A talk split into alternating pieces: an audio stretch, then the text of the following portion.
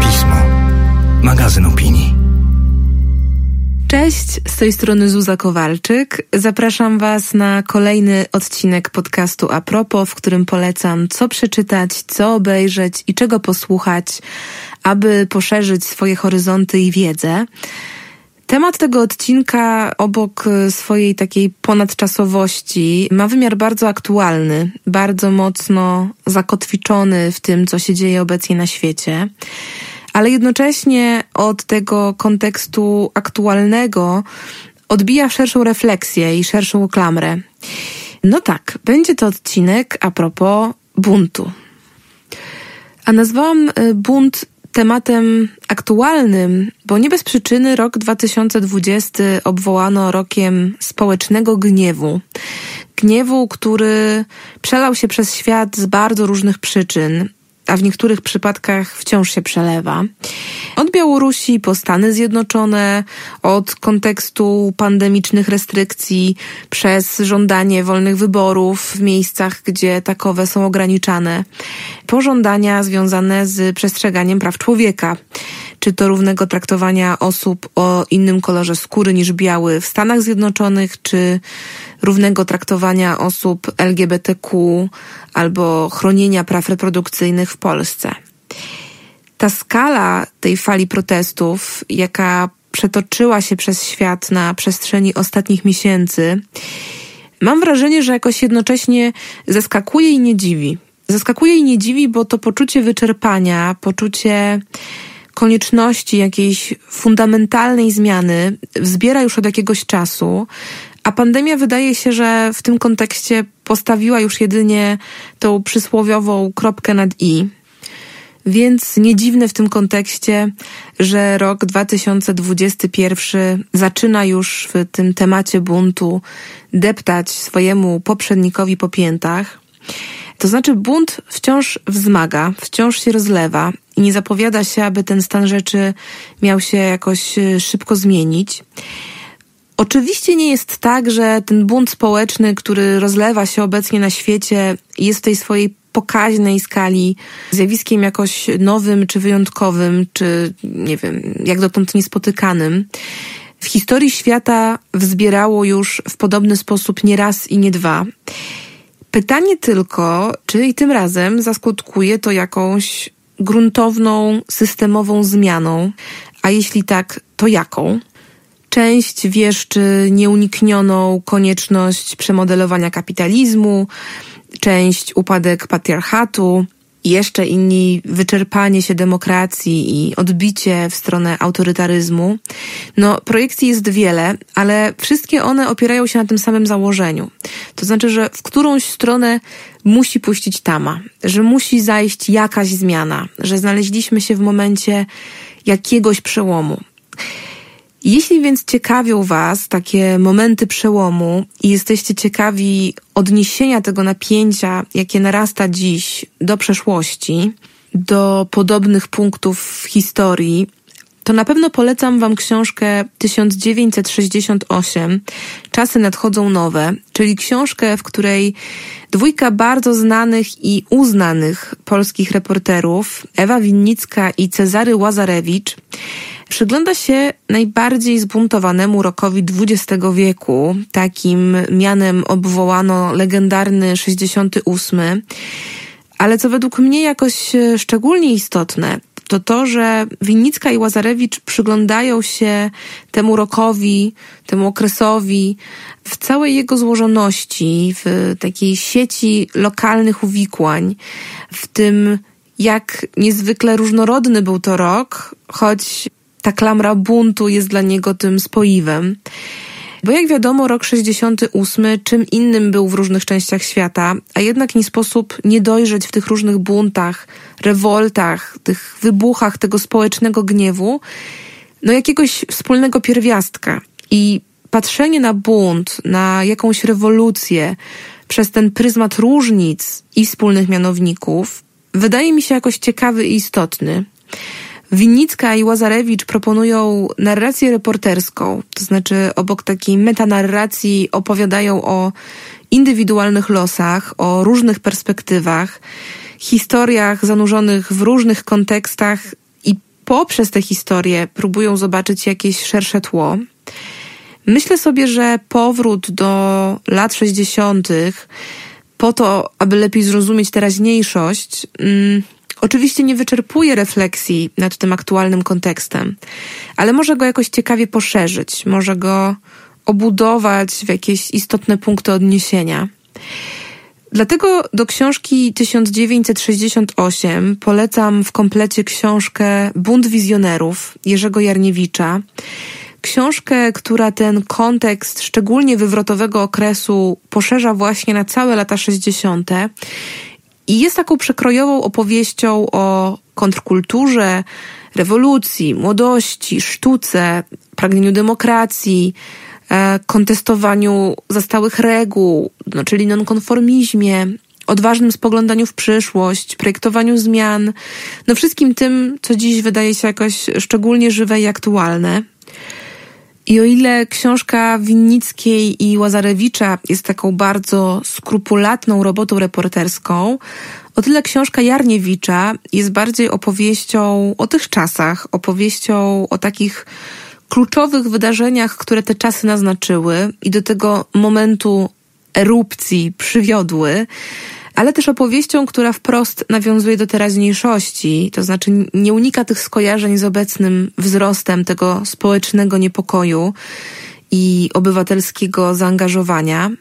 Choć wydana była ta książka w roku 2019, e, mniej więcej na rok przed wybuchem pandemii, więc też ciekawie jest dostrzec obserwacje wzrostu niepokoju i buntu z tej perspektywy.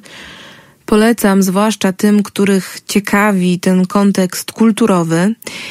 Natomiast z bliższego horyzontu polecam książkę Skąd ten bunt? Nowe światowe rewolucje, w której dziennikarz BBC Paul Mason opisuje rewolty, powstania i okupacje, jakie rozgrywały się na świecie w okolicach 2010 roku.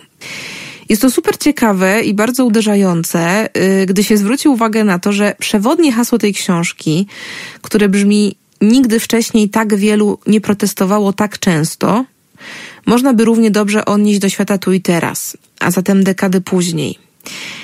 Y, można więc zadać sobie masę pytań. No, czy tamten kryzys, który był w dużej mierze pokłosiem kryzysu finansowego z 2008 roku, choć nie tylko, ale był też takim jednym z pierwszych tak potężnych tąpnięć kapitalizmu w społecznej świadomości. Czy ten kryzys się kiedykolwiek zakończył? Czy można go czytać jako pierwsze stadium dzisiejszego kryzysu? Czy raczej należałoby te kwestie traktować rozdzielnie? Czy z tej perspektywy uznanie dzisiejszego wzrostu społecznych napięć za jakoś wyjątkowe, szczególne jest w takim razie w ogóle zasadne? No jak tam te kryzysy opisywane przez Masona mają się dzisiaj, to znaczy, które z nich udało się zażegnać, które odłożono gdzieś na bok i po prostu o nich zapomniano, a te napięcia nadal są, a które się jedynie zaogniły. I co z tego możemy wyczytać na temat y, w ogóle dynamiki tego typu kryzysów i rewolt? Czy tamtejsze napięcia zwiastowały kolejne, które dziś przybrały na sile? Czy jest to raczej opowieść o tym, że kryzysy i bunty są po prostu wpisane w naturę cyklu cywilizacyjnego i są jakimś nieuniknionym elementem życia społecznego. Polecam Wam lekturę z tymi pytaniami w głowie. Oczywiście ta książka nie udziela na nie wszystkie odpowiedzi. To raczej my możemy sobie dzisiaj poszukać na nie odpowiedzi. Dzisiaj, czyli z dystansu i z perspektywy czasu. Ale tak czy siak ta refleksja nad dynamiką buntu, nad reakcją na nierówność społeczną, nad wyrazem niezgody, takiego niezadowolenia z sytuacji politycznej, to wszystko wydaje mi się jakoś ciekawe i ważne w tym temacie buntu, jako takiej odwiecznej reakcji, która staje się też kołem napędowym zmian i krytycznej refleksji nad światem. W tej krytycznej refleksji istotne wydaje mi się też poszerzanie ram refleksji, to znaczy odzyskiwanie tematów, które wypadły z takiej mainstreamowej opowieści o świecie, a które nierzadko o tym świecie i jego historii mówią najwięcej i najwierniej, najbliżej prawdzie. E, I też mam takie wrażenie, że znaleźliśmy się w takim miejscu, w którym odzyskiwanie tych historii stało się jakoś szczególnie ważne, a może nie tyle szczególnie ważne, co szczególnie głośne, coraz bardziej powszechne. I super, że tak się dzieje. W kontekście buntu nie muszę chyba wspominać o tym, jakie zamieszanie od paru miesięcy robi pokaźna książka Adama Leszczyńskiego, zatytułowana Ludowa Historia Polski. Książka, która właśnie odkłamuje historię, to znaczy pokazuje, że ta narracja historyczna, jaką znamy i jaką zawsze uważaliśmy za najbliższą prawdzie, tak naprawdę pokazuje historię jedynie w jakimś niewielkim wycinku. To znaczy, jest to historia nie narodu, ale raczej grupy sprawującej władzę, czyli takiej perspektywy w gruncie rzeczy mniejszościowej. To znaczy historia, która absolutnie pomija znaczącą większość, czyli chłopstwo. Ale ponieważ o tej książce Leszczyńskiego mam takie poczucie, że powiedziano bardzo wiele i w bardzo wielu innych podcastach i gazetach, to ja w tym temacie chcę Wam polecić dwie trochę mniej znane książki. Bękarty Pańszczyzny, Historia buntów chłopskich, to jest książka Michała Rauschera oraz Śląsk zbuntowany, książka Dariusza Zalegi. Obie te książki oddają głos tym, których pominęła historia głównego nurtu, a którzy nieraz stawali w obronie swoich praw i których powstania, bunty, rewolty są bardzo istotne w badaniu i rozumieniu naszej historii. Obie pokazują, jak pańszczyzna, a później prawa robotnicze były takimi tematami spychanymi na boczny tor, jak e, silnie i powszechnie obecna była w naszej rzeczywistości społecznej przemoc systemowa jak potężnym przekłamaniem, jeśli idzie o znaczenie w skali, znaczenie dla jak największej liczby ludzi, było kierowanie tego, powiedzmy, reflektora historii na rozmaite bitwy czy zawierane porozumienia, um, zamiast na tak przełomowe kwestie, jak choćby reforma rolna, czy uwłaszczenie chłopstwa, czy właśnie bunty chłopskie. I obie pokazują, jak to wpłynęło na emancypację tych grup, na ich tożsamość, jak poprzez te historie kształtowała się oddolna polska kultura oporu. Bardzo polecam te książki i w ogóle wszelkie książki, które stawiają sobie za cel pokazanie historii od trochę innej strony, zwłaszcza od strony grup y, systemowo wykluczanych. Polecam to Waszej uwadze.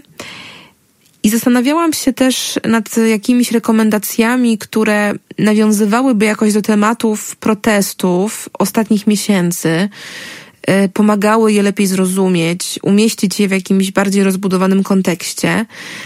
Ale właśnie nie od strony stricte problemu, z którym te protesty się mierzą, w które te protesty są wykierowane, ale bardziej od strony samego protestu, to znaczy źródeł i przebiegu buntu wokół tych kwestii.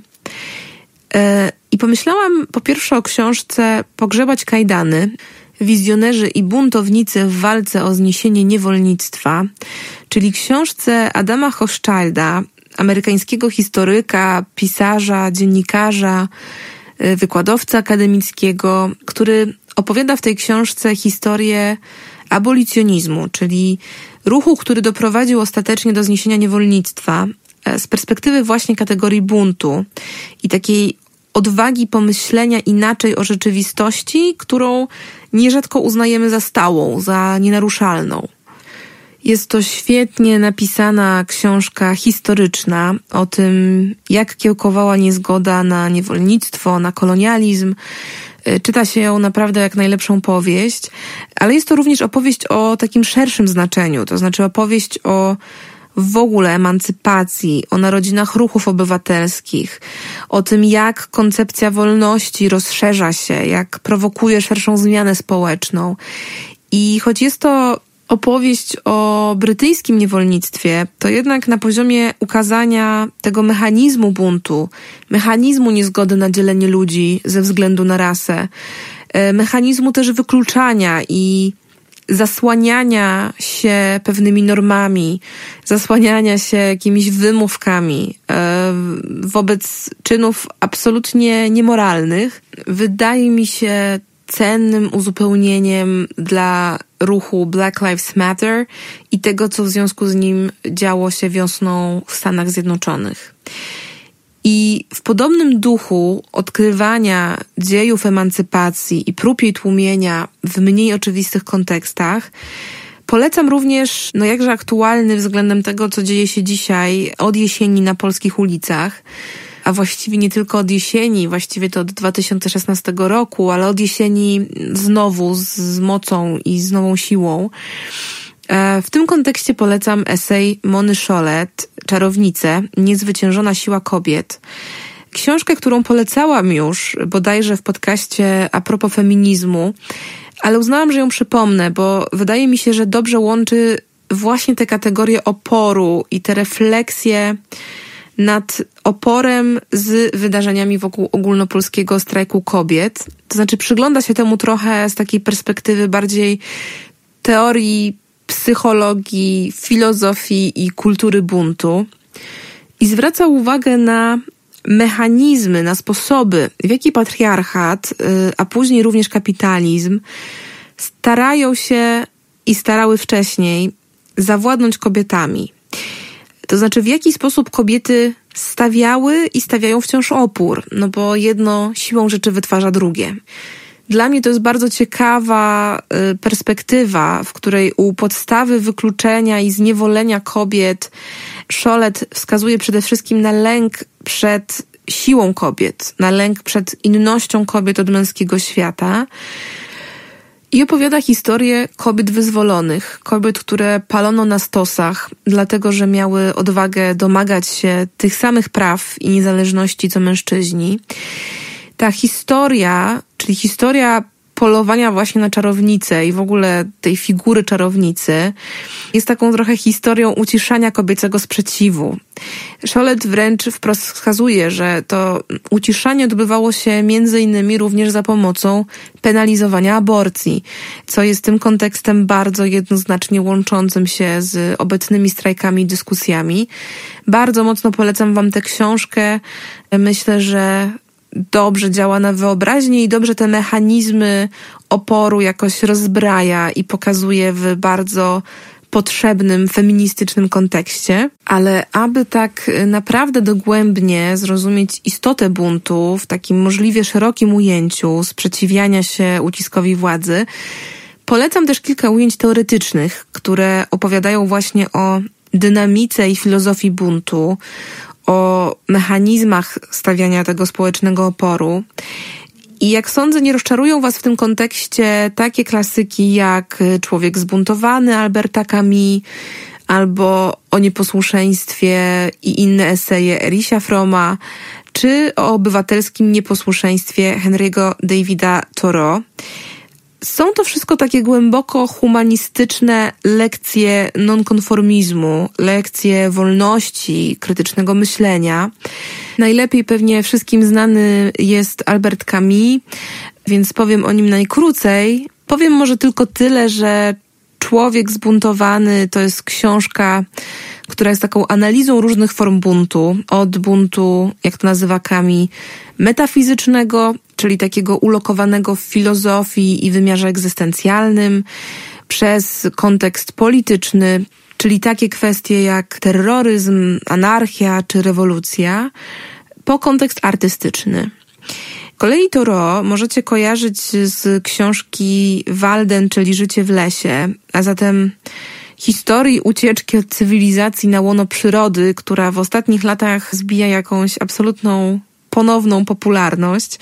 I w tym duchu jest też utrzymany esej o obywatelskim nieposłuszeństwie, to znaczy w takim nacisku na bunt przeciwko ingerencji systemu i państwa w życie jednostki. To jest esej, który jest taką pochwałą wolności, niezależności, ale też mówi o pielęgnowaniu zasad moralnych, których ochrona gdy państwo przekracza granice, jest zdaniem Turo kluczowa. Ale dla autora też takim klasycznym gestem buntu jest na przykład odmowa płacenia podatków w momencie, w którym nie zgadza się z polityką państwa i z systemem, w którym czuje się zmuszony obcować. Więc jego bunt polega na tym, że mówi stop. Mówi, że nikt go do tego nie zmusi i przed tym obowiązkiem, przed tym systemem dość skutecznie ucieka. I choć ja Toro bardzo lubię, to chyba najbliższy jest mi jednak From, y, którego pewnie kojarzycie z książki Ucieczka od wolności y, którą swoją drogą w tym kontekście również bardzo mocno Wam polecam. Ale tutaj wspomniałam o zbiorze esejów o nieposłuszeństwie. Przede wszystkim opowiadający o buncie politycznym, buncie przeciwko uciskowi władzy, ale też buncie przeciwko nierówności społecznej, przy jednoczesnej zgodzie na życie w zgodzie ze swoją naturą i z resztą społeczeństwa. Nazwałabym to takim buntem konstruktywnym, buntem wyważonym, to znaczy From bardzo ceni krytyczne myślenie i do krytycznego myślenia nieustannie zachęca i zagrzewa. Ceni też bardzo nonkonformizm i taką niezależność intelektualną, ale zwraca uwagę na to, że abyśmy byli szczęśliwi i spełnieni, to musimy nauczyć się żyć społecznie, w poczuciu troski i odpowiedzialności za siebie. I że bunt, który jest nastawiony wyłącznie na emancypację jednostki, a nie emancypację grupy i możliwie dobre życie społeczne, jest buntem, który jest skazany na porażkę i daje przestrzeń do tego, aby jego owoce zostały zagarnięte przez autorytarną władzę. Jest to takie dość bliskie mi przesłanie i bardzo Wam lekturę Froma polecam. Do kompletu czytajcie też koniecznie niezawodną Judith Butler, którą polecam w tym podcaście y, już nie wiem który raz, ale tym razem chciałabym polecić dwie książki, czyli Psychiczne życie władzy, teorie ujarzmienia i zapiski o performatywnej teorii zgromadzeń. Są to na pewno książki dla tych, których nie wystraszy i nie odrzuci bardziej naukowy ton, ale pozostają one książkami eseistycznymi. No i według mnie Butler uderza w sam środek tarczy, to znaczy przygląda się w tych swoich e, esejach mechanizmom sprzeciwu społecznego i szuka odpowiedzi na pytanie, które z pewnością usłyszeliście nieraz e, w różnych dyskusjach, typu co w ogóle wychodzenie na ulicę da, co to zmienia, o co chodzi tym babom, o co chodzi tym gejom, o co chodzi tym rolnikom? I tak dalej, i tak dalej. Wszystkie te hasła, które słyszymy niejednokrotnie w dyskusjach, które są wyrazem takiej, takiej bierności, takiej społecznej inercji, takiego kontestowania jakiejkolwiek możliwości zaprowadzenia zmiany, i które dla mnie sprowadzają się też do lepszego i głębszego zrozumienia aktywizmu i społecznego zaangażowania. Dla mnie Butler jest absolutną matronką krytycznego myślenia i sprzeciwu wobec takich skostniałych form, skostniałej rzeczywistości. W tych książkach, które Wam polecam, ona koncentruje się właśnie na tych przepływach władzy pomiędzy większością a mniejszością, pomiędzy władzą wybraną a władzą oddolną przygląda się politycznym i psychicznym kontekstom buntu, demaskuje mechanizmy zarządzania ludźmi, które za tym buntem się kryją i ostatecznie zachęca do tego, aby władzę i status quo nieustannie podważać, e, bo to w tym podważaniu zawiera się tak naprawdę esencja życia społecznego i obywatelskiego.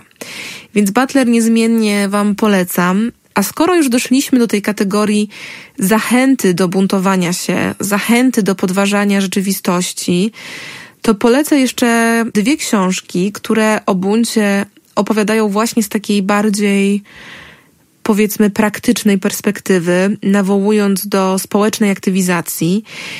I dobrą pozycją w tym temacie jest Nieposłuszeństwo Frederika Grossa. Książka, która wychodząc od aktualnych, ale jeszcze przedpandemicznych wydarzeń, tłumaczy, dlaczego warto walczyć o tę słyszalność swojego głosu w przestrzeni społecznej. Ale jest to też książka, która bardzo ciekawie i przekrojowo zbiera różne ujęcia buntu, różne filozoficzne perspektywy sprzeciwu i pokazuje, że dyskusja o tych dwóch jakościach, to znaczy oportunizmie i nonkonformizmie, od zawsze towarzyszy ludziom, od zawsze różni pokolenia i od zawsze jest źródłem napięcia, źródłem jakichś ważnych pytań.